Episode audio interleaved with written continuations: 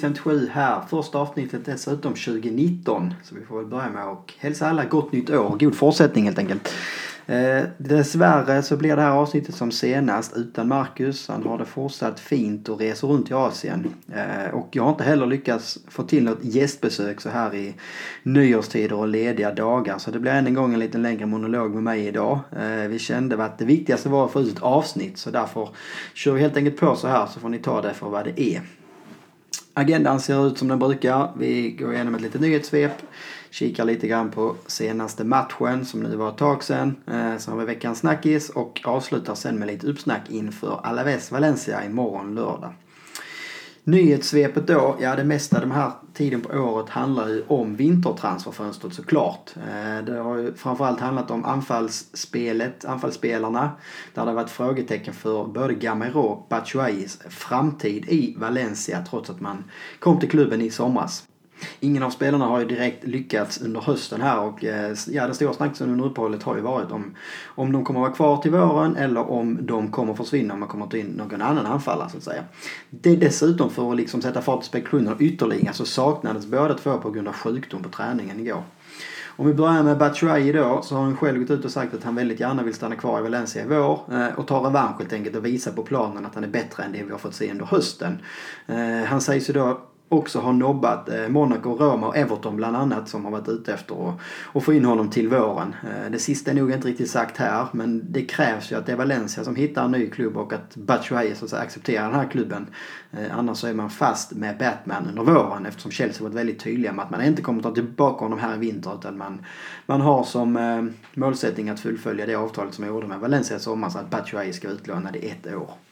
Om vi går vidare då på Kevin Gamero här jagar man ju också en lösning från Valencias håll men lite mer sparskapat med alternativ här skulle jag säga. Eh, det man hoppas på är väl kanske en Kina eller Mellanösternklubb som har lite mer pengar eh, och att Gamero också är sugen på det alternativet. Och här får man säga att det är liksom två fiaskovärvningar utan dess like som har kostat alldeles för mycket pengar och som inte alls har levt upp till de förväntningarna eller eh, levererat vad man liksom kan, kan kräva från dem.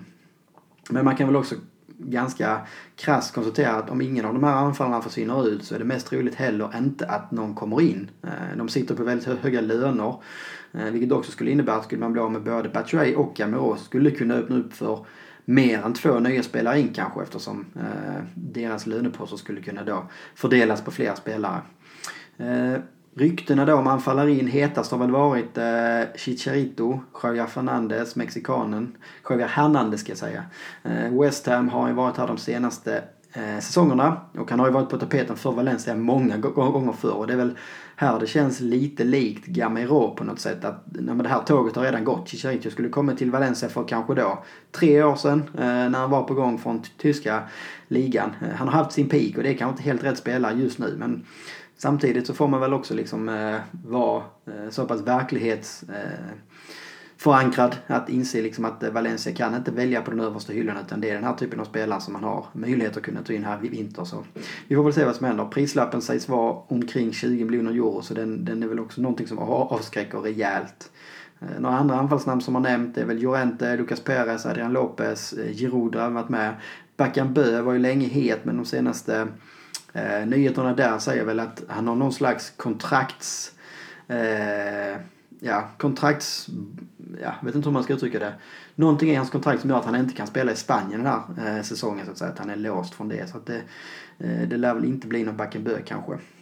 Annars så har det ju eh, varit en yt offensiv yttermittfältare som har eh, varit intressant för Valencia. Inte jättemånga namn som cirkulerar här. Där vi, det är ju Dennis Suarez som varit på tapeten under, under hösten här och fortsatt verkar vara det hetaste alternativet att få in på lån kanske. Ett annat namn som dök upp idag är Alexis Sanchez eh, som inte kommit riktigt till sin rätt i Man United. Och nu när Sofa har kommit in och fått liksom fart på United så har det ju varit utan eh, Sanchez på planen. Så att eh, det kan ju vara att United liksom ser en möjlighet att eh, kunna skeppa Sanchez redan här i vinter. Och eh, det är väl även Atletico Madrid som sägs vara intresserade här men där då lönen antagligen är det som ställer till det för Valencias del skulle jag tippa på. Då går vi vidare till eh, senaste ma matchen. Spelades ju här precis innan jul. Valencia Huesca slutade 2-1 efter mål av Parejo och Piccini för Valencia och Cucho Hernandez på straff för Huesca. Och det var ju en ja, riktigt dramatisk avslutning på 2018 som vi fick. Vilket kanske egentligen eh, lite symboliskt också för, för året och för hösten framförallt kanske. Eh, det var väl en match som jag skulle säga att Valencia dominerar stort i första halvlek. Eh, tar ledningen genom Parejo efter ett fint anfall. Eh, lite turligt vid målet, kanske får ingen riktigt ren träff. Eh, sen skapar man många chanser att göra 2-0. Och då också tror jag hade man dödat den här matchen på något sätt. Men som så många gånger förr under hösten så gör man inte det här 2-0 målet och man liksom eh, man, man, man dödar inte när man har liksom möjligheterna på något sätt. Eh, och istället så går man ut i andra halvlek, eh, gör en betydligt, betydligt sämre insats. Eh, en ganska så billig men dock onödig straff och eh, kvitterar. Eh, och sen så är det ju Huesca jumbon som liksom tillåts dominera på Mestalla faktiskt är bättre. Tycker jag. Eh, Valencia försöker på slutet, man liksom trycker på. Det känns som det är ytterligare ett kryss på Mestalla som är på väg. Eh, vita näsdukarna är framme, buropen är där. Men så liksom i den sista sekunden så är det Piccini av alla italienarna liksom som har varit så kritiserade under hösten som skickar in 2-1. Det blir ju helt magiska glädjescener både liksom på läktarna och nere på planen när Marcelino springer in och firar med spelarna. Och på något sätt så blir det någon perfekt avslut kanske på 2018 och då. Den här liksom vilda, spontana, helt galna glädjen. Eh, det är det i alla fall som jag tar med mig. Alltså det, jag tyckte det var skönt att stänga höstsäsongen med den bilden på näthinnan. Eh, glömma liksom allt det mörka som varit och istället kunna blicka framåt och ha lite positiva tankar med sig. Eh, jag kan också bli väldigt upprörd på de som menar att det är liksom är pinsamt att fira en seger på övertid mot jumbon på det viset. Och jag skulle säga precis tvärtom. För mig så visar det liksom att spelarna faktiskt bryr sig, att spelarna faktiskt vill vinna och att det också liksom faller en stor press från axlarna och att glädjen och allt det här kommer helt spontant. Det är liksom ingenting eh, ditmålat eller någonting som man liksom har funderat på. Utan det, det, det, bara kommer av sig själv och jag älskar att se det. Och jag skiter vilket egentligen om det är mot Barcelona eller mot Huesca. Vinner man en match i, match, alltså i liksom allra sista sekunden så ska man fira som man gjorde här. Jag hade blivit betydligt mer orolig om liksom spelarna bara hade ryckt på axlarna efter målet och inte brytt sig om det var liksom var en eller tre poäng. Utan det här firandet på något sätt ger mig hopp inför framtiden om att det finns lite grinta och det finns lite jävla namn i gruppen och att man faktiskt också har mentaliteten att kunna vända det här läget som man hamnat i. För det är mycket är psykologiskt just nu, det ska man nog förstå. Liksom. Alltså det är inte så att Valencia är ett 200% sämre lag den här säsongen än man var i fjol. Utan rent mentalt så har det liksom gått grus i maskineriet på något sätt och det blir en negativ spiral som liksom bara snurrat på och snurrat på. Och det är kanske just ett sånt här, eh, en sån här sak som man behöver. Kanske när vi summerar säsongen senare i vår så visar det kanske sig att Piccinis mål var oerhört mycket viktigare än vad vi faktiskt förstår idag. Det här sena målet och segern skickar också upp Valencia till åttonde plats istället för en femtonde plats om man hade fått kryss bara. Eh, vi stänger 2018 med att ha fyra poäng upp till Europa League-placeringarna, åtta poäng upp till Champions League. Så det är liksom, trots att det känns som vi har haft en katastrofal höst så är liksom ingenting är kört egentligen. Eh, det blev en liten snackis efteråt kan man nämna kort. Garay gick ut på sina sociala medier och kritiserade Mestalla-publiken som han tyckte buade lite onödigt. Eh, vilket han senare tog tillbaka igen. Men det känns ju väldigt okänsligt av Garay tycker jag. Att efter den här hösten liksom gå ut som ledande spelare och kritisera publiken. Eh, har, man, har man liksom två segrar på hemmaplan under hela hösten eh, så är det kanske... Och jag tycker att Messiah-publiken faktiskt har visat grymt tålamod här. Eh, man brukar vara betydligt mer kräsen och högljudd. Eh, så att, nej, det, det var liksom... Det var, det var bra att du backa Garay men ibland så är det bättre att låta liksom, eh, eh, prestationerna på planen tala istället för dina sociala medier. Vi lämnar 2018, vi lämnar segern mot Huesca, vi blickar framåt, eh, delvis kan man väl säga så. Vi är framme vid veckans snackis på agendan. Eh, som alltid i de här tiderna omkring årsskiftet så är det bokslut och analyser om vad som gått fel eh, och även lite blickar framåt i Kristallkronan som är de stora snackisarna. Eh, jag kan också nämna att det finns en längre krönika på Svenska fans i detta ämne eh, och här tänkte jag väl ta upp två snackisar lite mer på djupet. Eh, den första som jag har här är Mestalla-effekten. Eh, det har varit ganska uppenbart den här säsongen att hemmaplan inte har varit någon större fördel för Valencia faktiskt. Man har tagit 12 poäng på 9 hemmamatcher. Eh, blott två segrar ska man säga. De här 12, 12 poängen ger ju då att man har tagit 44 procent av de möjliga poängen. Eh, dock ska man väl också tillägga att vi bara har en förlust på hemmaplan och då, det är ju de här sex kryssen som gör att poängskörden inte är bättre än vad den är. Jämför vi samma tidpunkt i fjol så hade vi 34 poäng totalt och 20 poäng hade vi tagit hemma på Mestalla. Så det är ganska så, så stor skillnad kan man väl eh, ganska krasst konstatera. Kollar vi totalt hur säsongen stängde i fjol så hade vi 74 procent poäng eh, skörden tog vi hemma på, på Mestalla. Eller 74 poäng av poängen så att säga som går att ta tog vi på Mestalla. Eh, och historiskt sett så har vi sett att det krävs att Valencia tar omkring 70-80 procent Eh, Eh, hemma på Mestalla eh, för att kunna vara topplag och utmana om Champions League-platserna. Kollar vi till exempel säsongerna 16, 17, 15, 16 när vi då hamnade på 12 plats. Ja, men då hade vi 49 procent eh, poängskörd på, på Mestalla vilket då liknar mer årets siffra. Jag ska bara förtydliga, det här handlar inte om den totala poängskörden utan det handlar om Vinner man varenda hemmamatch så är det då 100% och att vi då har 44% av poängen möjliga nu det betyder ju då att vi har tagit mer, mindre än hälften av poängen som liksom har varit på spel på Mestalla. Eh, nu om vi blickar lite framåt så återstår det 10 hemmamatcher på Mestalla under våren. Eh, 30 poäng att kriga om. Och kollar man på de här lagen som vi har kvar att möta på Mestalla som kommer på besök så tycker inte jag faktiskt det är fullt omöjligt att man ska kunna ta full pott här. Eh, I kronologisk ordning så ska man spela mot Valladolid, Villarreal, Real Sociedad, Espanyol, Athletic Bilbao, Getafe, Real Madrid, Levante, Ibao och Alaves. Eh, och det är klart att alltså, kollar man här så ser man ju ganska krasst att det är egentligen bara Real Madrid som är ett eh, uttalat topplag som ska komma på besök på Mestalla och har ändå haft ganska bra statistik mot Real Madrid på Mestalla de senaste åren. Eh, och övriga lag ska man absolut nä nästan kunna räkna med att slå på hemmaplan om man vill vara ett topplag. Skulle vi liksom ta full pott här så hamnar vi på 42 poäng totalt på Mestalla i år. Det vill säga samma som i fjol. Men det, det bygger ju då på att, att, att man går rent hela våren. Man kan väl bara krasst konstatera att jag tror att Mestalla kommer att bli väldigt avgörande för hur Valencias 100-årsjubileum ska sluta den här våren. Om det ska sluta med en, en, en Europaplats och kanske till och med kriga om en Champions League-plats då kommer det, då kommer det krävas att man tar minst 8-9 segrar av de här 10 hemmamatcherna som man har kvar. Nästa lilla snackis som jag tänkte gå lite på djupet på här är Marcelino Gate. Eh, det kan kännas lite tjatigt kanske men eh, så som läget är just nu så känns det kanske som att det här kommer att vara en stående punkt på agendan tills dess att vi ser en tydlig riktning med Marcelino. Antingen att resultaten vänder så att säga eller att eh, eh någonting mer eh, radikalt händer med Marcelinos situation.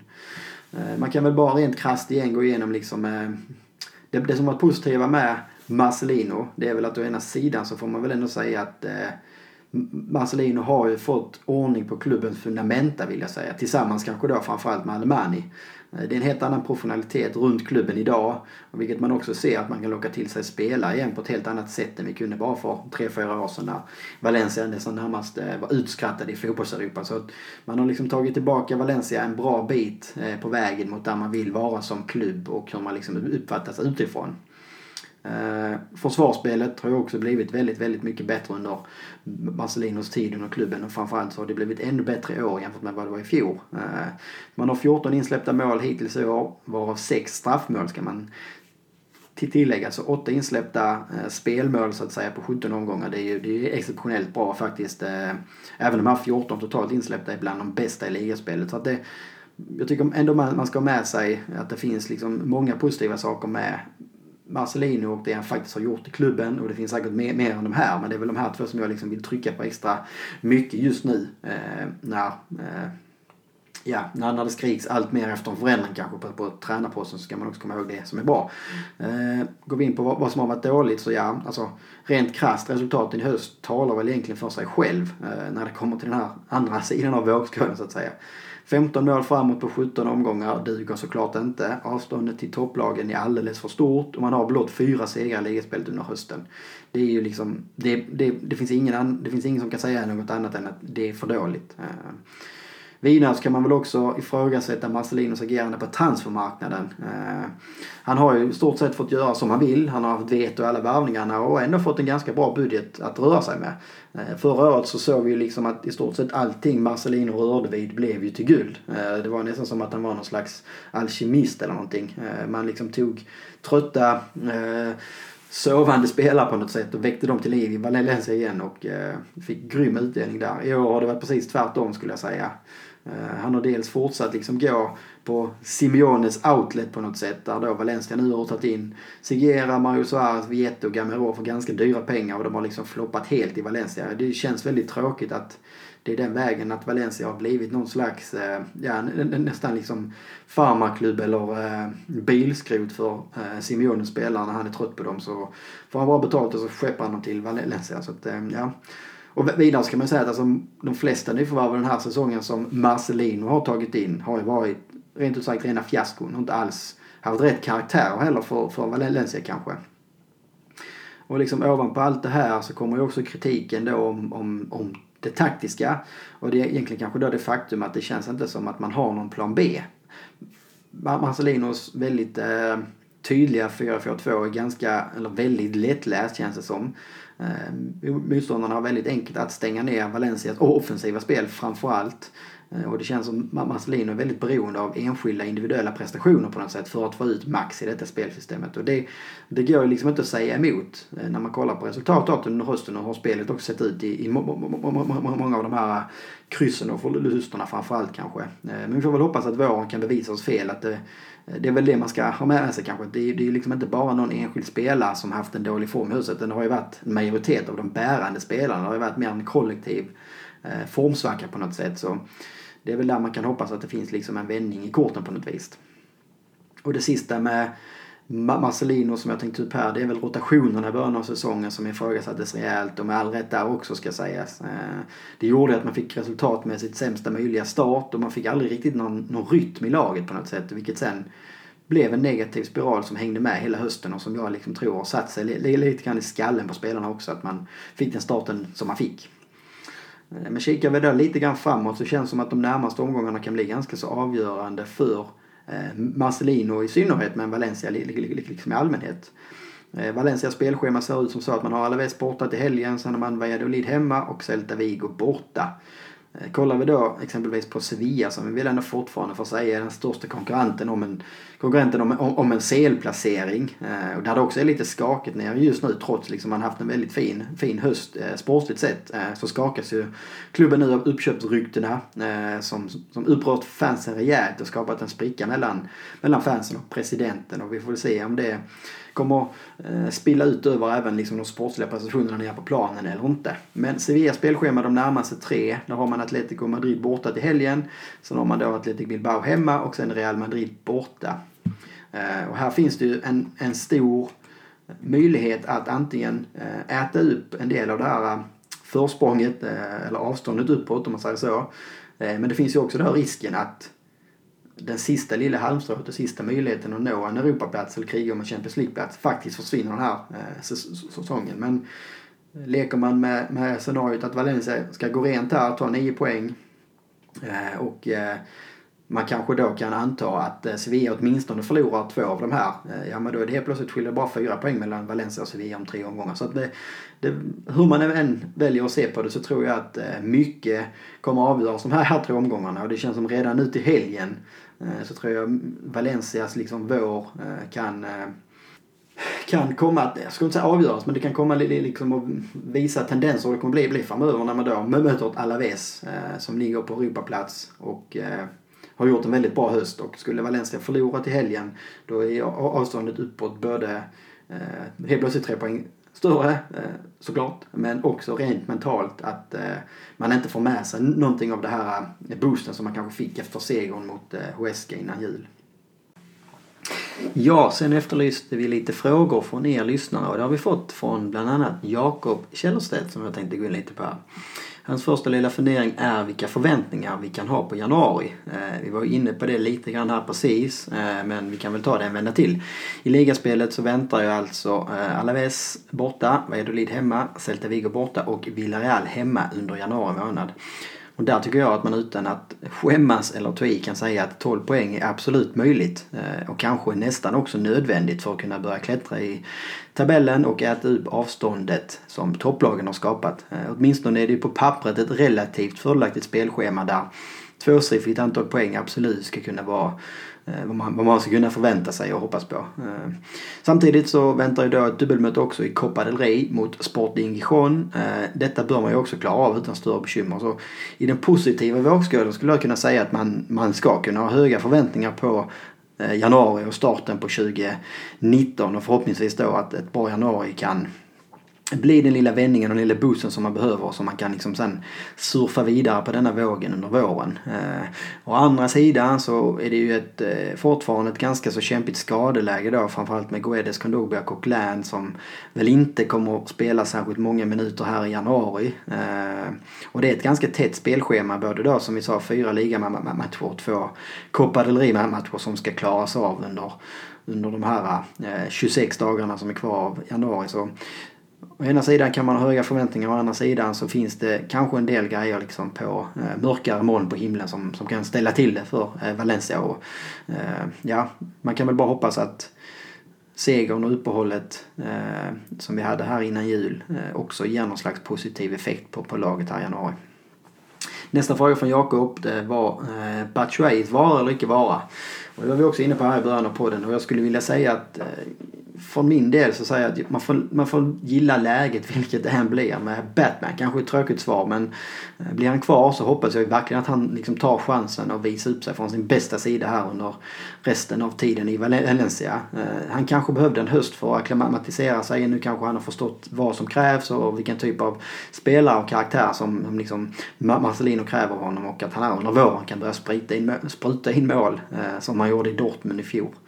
Om han inte skulle vara kvar så hoppas jag att Valencia tar in en anfallare som kanske passar både karaktärsmässigt och taktiskt sett bättre i det spelet som Valencia vill spela och som, som också fungerar bättre ihop med Rodrigo. Eh, Batman sitter ju på en ganska hög lön så måste jag välja så ser jag kanske helst att han lämnar här i vinter.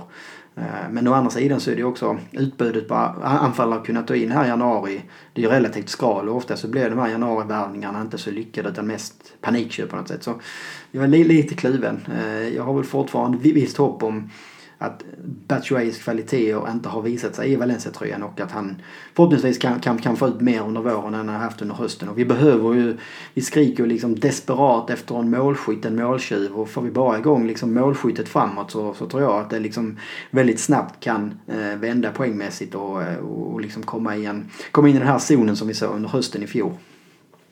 Jakobs sista fråga här var lite restips till Valencia. Jag tycker det är en väldigt bra en bra fråga faktiskt. Eh, men jag skulle vilja passa den vidare att vi kör den i ett eget avsnitt, eller kanske inte ett eget avsnitt men ett större segment i ett annat avsnitt omkring det här. Eh, kräver lite mer efterforskning och planering också där. Jag tycker också det är bra att få med Marcus input där. Eh, men just med restips kan vi i alla fall tipsar er om att Penja Skandinavia håller på att sätta samman en resa som man brukar göra till Fajas som är i mitten av mars. Där man har en hel del aktiviteter. Man brukar besöka klubben och man brukar liksom kunna få, få göra saker som kan vara svårt att eh, planera in och få, få liksom tillgång till själva. Men när då Penjan har lite mer kontakter i klubben. Eh, så är ni intresserade av det här skulle jag verkligen rekommendera att kontakta någon eh, inom Penjan. Vi hade även fått en fråga från Jonathan Agrell. Eh, han ville höra lite grann omkring B-laget. Eh, hur det gått för dem, vilka talanger som ser intressanta ut och så här. Eh, och den, den passar vi också på tyvärr idag. Men vi kör ett, vi kör ett större segment om det i kommande avsnitt. Det, det kan jag lova er. Det har varit på agendan innan och typ det.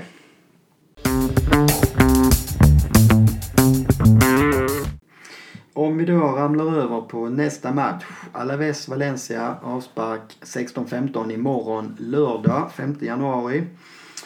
Kollar man på skadeläget så är det fortfarande Coquelin, Kondogbia och Guede som inte är tillgängliga. Eh, och som vi var inne på i början av podden här så var det ju även lite oklart där med Kevin Gamero och Batshuayi som har saknats på träningarna här i slutet av veckan på grund av sjukdom. Soler och Gaia är avstängda och kommer inte heller åka med till Alaves. Och eh, därför blir det väl en ganska så eh, enkelt skulle jag vilja säga att ta ut en startelva för att det är väldigt tunt just nu med skadeläget och två givna spel avstängda. Eh, vi lär få se Piccini, Lato på ytterbackarna. Där är inte mycket alternativ. Det är väl eventuellt då en Veso som kan ta högerbacksplatsen men efter Piccinos, Piccinis mål senast så eh, borde han väl få fortsätta där ute även om han inte var helt hundra i spelet kanske. Garay Gabriel i mittlåset där Gabriel är tillbaka efter skada igen. Eh, det är väl här kanske som man har mest konkurrens just nu med en DXB som växte under vintern och gjorde det väldigt bra beslut när han fick chansen. Parejo Vaz inom mittfältet, där är ingen vidare konkurrens just nu när både Coquelin och Kondogbia och Soler är borta.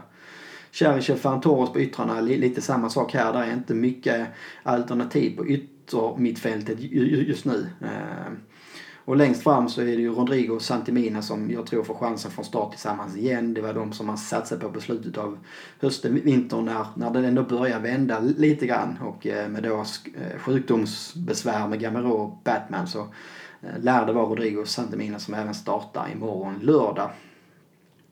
Oavsett det här skadeläget eller spelar avstängning så har ju Valencia inte råd att ursäkta sig eller med något snedsteg här. Utan det gäller att spelarna som får chansen, de verkligen tar chansen.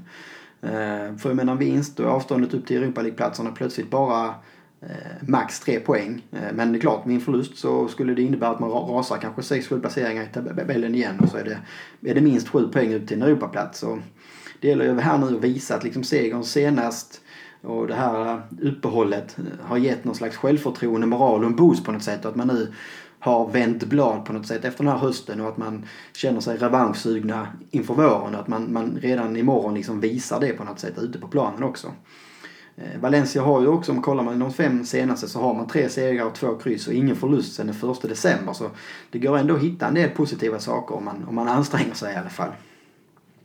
Kollar vi på Alaves eh, så var ju det en av höstens stora positiva överraskningar skulle jag säga. Man parkerar på en sjätte plats när vi stängde 2018. Sex poäng före Valencia. Kanske har verkligen börjat komma ikapp lite här på slutet. Man har bara en seger på sina fyra senaste matcher. Eh, dock ska det tilläggas att hemma på Mendy Sorosa denna säsongen så är man obesegrade. Så att det vore väl fint om Valencia kunde åka dit och eh, bryta den nollan så att säga.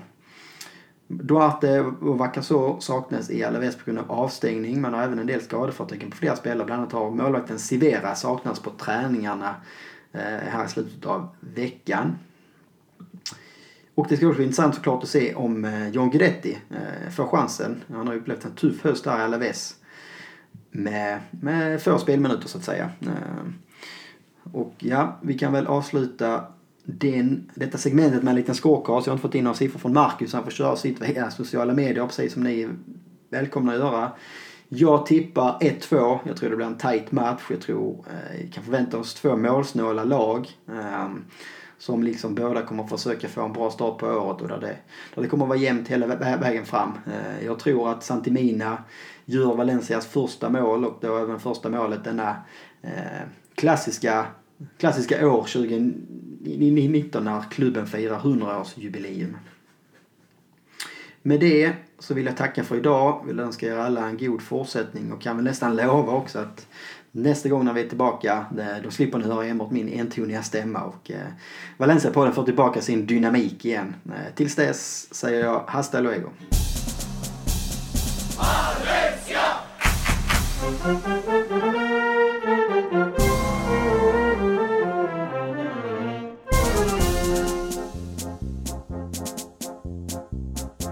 Es un equip de primera, Nostre València, club de futbol, que lluita per a en totes bandes nostres colors. En el camp de l'Algirós ja començaren a demostrar que era una bona manera per a València representar Valencia, visca el Valencia, es el